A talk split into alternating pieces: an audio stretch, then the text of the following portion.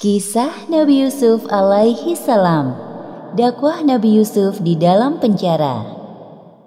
Kisah ini disebutkan dalam Al-Qur'an surat Yusuf ayat 35 hingga 42. Selama berada di dalam penjara, Nabi Yusuf mengajak para tawanan untuk kembali kepada ajaran tauhid, yaitu mengesahkan Allah Subhanahu wa taala. Kemudian, atas izin Allah, Nabi Yusuf mampu menakbirkan mimpi para pelayan raja yang ditawan bersamanya di dalam penjara. Hari ini adalah hari pertama Nabi Yusuf masuk ke dalam penjara. Bersama beliau ada pula para tawanan yang lain. Kebetulan mereka adalah orang-orang yang bekerja di istana Raja Mesir. Pemuda pertama adalah pelayan yang bertugas menyiapkan minuman raja. Sedangkan Pemuda kedua adalah pelayan yang bertugas membuat roti untuk raja. Mereka ditangkap karena kecurigaan raja terhadap keduanya yang telah bersekongkol untuk meracuni makanan dan minumannya. Assalamualaikum warahmatullahi wabarakatuh. Aku Yusuf.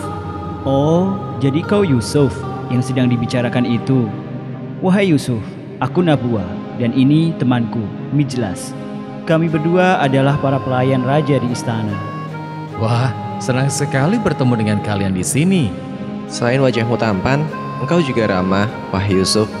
Padahal kita kan baru pertama kali bertemu di tempat yang kurang mengenakan ini. Terima kasih atas pujianmu, wahai saudaraku. Satu hal yang harus kita ingat bahwa semua yang kita miliki adalah karunia dari Allah Subhanahu wa taala.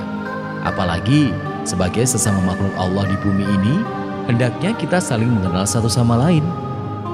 Saat Nabi Yusuf beribadah kepada Allah, kedua temannya itu diam-diam membicarakannya sambil berbisik-bisik agar Yusuf tidak mendengar percakapan mereka.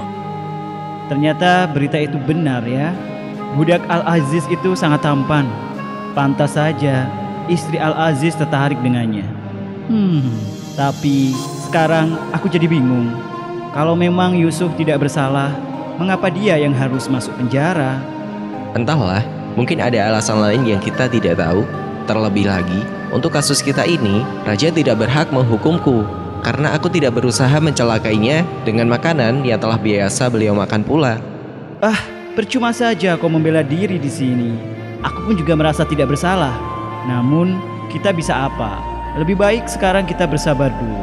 Jikalau memang kita terbukti tidak bersalah, pasti raja akan membebaskan kita. Di dalam penjara, Nabi Yusuf terus berdoa kepada Allah. Beliau juga mengajak kedua temannya itu untuk kembali kepada ajaran yang benar, yaitu ajaran tauhid. Fenomena pada saat itu, kebanyakan manusia masih menyembah berhala yang beraneka rupa. Nabi Yusuf mendekati mereka dengan cara yang pelan dan sopan. Hai kedua temanku dalam penjara, Manakah yang baik? Tuan-tuan yang bermacam-macam itu ataukah Allah yang Maha Esa lagi Maha Perkasa?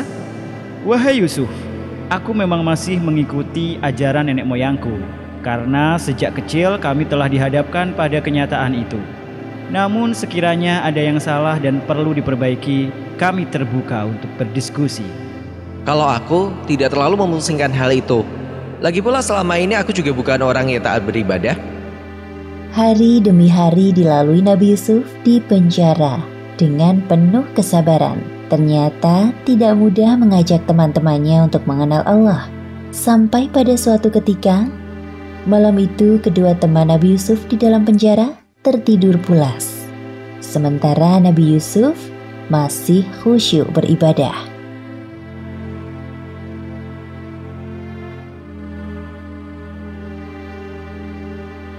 Keesokan harinya, kedua pelayan raja itu terbangun sambil termenung. Mereka berdua masih terngiang-ngiang dengan mimpinya masing-masing. Sesungguhnya aku bermimpi bahwa aku memeras anggur. Sesungguhnya aku bermimpi bahwa aku membawa roti di atas kepalaku. Sebahagiannya dimakan oleh burung. Aku penasaran dengan arti dari mimpiku semalam. Mimpi itu seperti pertanda untuk kehidupanku selanjutnya. Aku juga penasaran dengan mimpiku yang menurutku belum selesai.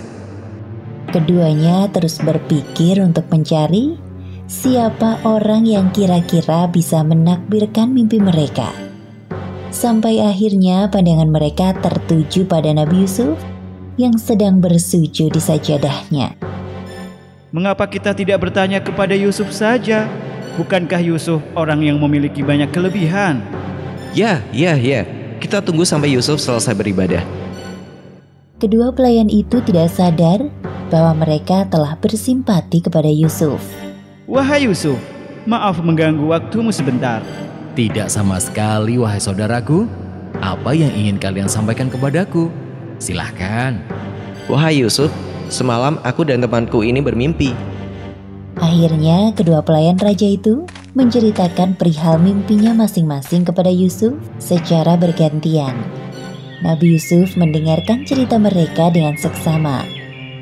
Wahai Yusuf, berikanlah kepada kami takbirnya. Sesungguhnya kami memandang kamu termasuk orang-orang yang pandai menakbirkan mimpi. Benar sekali yang dia katakan wahai Yusuf. Aku rasa hanya engkau yang bisa menakbirkan mimpi kami dengan ilmu yang engkau miliki. Wahai saudaraku, sebelumnya perlu kalian ketahui bahwa hanya Allah Subhanahu wa taala adalah Tuhan yang menguasai segala hal di muka bumi, termasuk memberikanku kelebihan dalam menakbirkan mimpi. Wahai Yusuf, sebenarnya siapakah engkau ini? Ajaran siapakah yang engkau ikuti? Dan aku mengikuti agama bapak-bapakku yaitu Ibrahim, Ishak, dan Yakub. Tidaklah patut bagi kami para nabi mempersekutukan sesuatu apa pun dengan Allah. Nabi Yusuf terus mengajak kedua temannya ini untuk berdiskusi tentang ajaran yang benar sampai mereka benar-benar sadar akan kekeliruannya selama ini. Jadi, engkau adalah seorang utusan? Iya, benar. Lantas, bagaimana perihal mimpi yang tadi kami ceritakan kepadamu?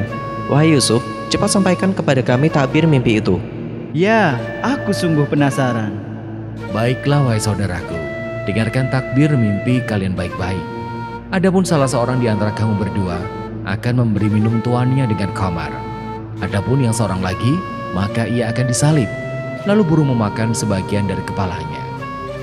Kedua pelayan itu saling berpandangan. Pelayan yang bertugas membuat minuman raja merasa bahagia karena dia terbukti tidak bersalah dan akan segera dibebaskan. Pelayan yang bertugas membuat roti merasa ketakutan. Ia pun berbohong untuk menutupi ketakutannya. Sesungguhnya aku hanya membuat perkara mimpiku itu, wahai Yusuf. Telah diputuskan perkara yang kamu berdua menanyakannya kepadaku. Nabi Yusuf berpesan kepada orang yang diketahuinya akan selamat. Wahai saudaraku, terangkanlah keadaanku kepada tuanmu. Tentu saja, wahai Yusuf, jangan khawatir. Aku sangat berterima kasih kepadamu karena telah mengenalkanku tentang Allah Subhanahu wa taala. Semoga kita dapat bertemu lagi di tempat yang lebih baik. Tak lama kemudian, pelayan itu dibebaskan. Setelah kembali bekerja di istana, syaitan membuatnya lupa untuk menerangkan keadaan Yusuf kepada raja. Oleh karena itu, Nabi Yusuf harus tinggal di dalam penjara lebih lama lagi. Sedangkan nasib Mi jelas, ia akhirnya terbunuh. Demikianlah akhir kisah dakwah Nabi Yusuf di dalam penjara. Hikmah yang dapat kita ambil dari kisah ini, pertama, hendaknya dalam berteman kita dengan semua orang tanpa memandang status sosialnya, karena semua manusia di sisi Allah adalah sama. Yang membedakan hanya ketakwaan. Kedua, sesuatu yang kita tanam sekarang adalah apa yang kita tuai kelak. Jadi berbuat baiklah selama hidup di dunia agar surga menjadi balasan kita. Dan ketiga, jangan bersikap sombong atas kelebihan yang kita miliki. Karena Allah memerintahkan kita untuk selalu bersikap tawadu atau rendah hati dalam bersikap. Wallahu alam bisawab.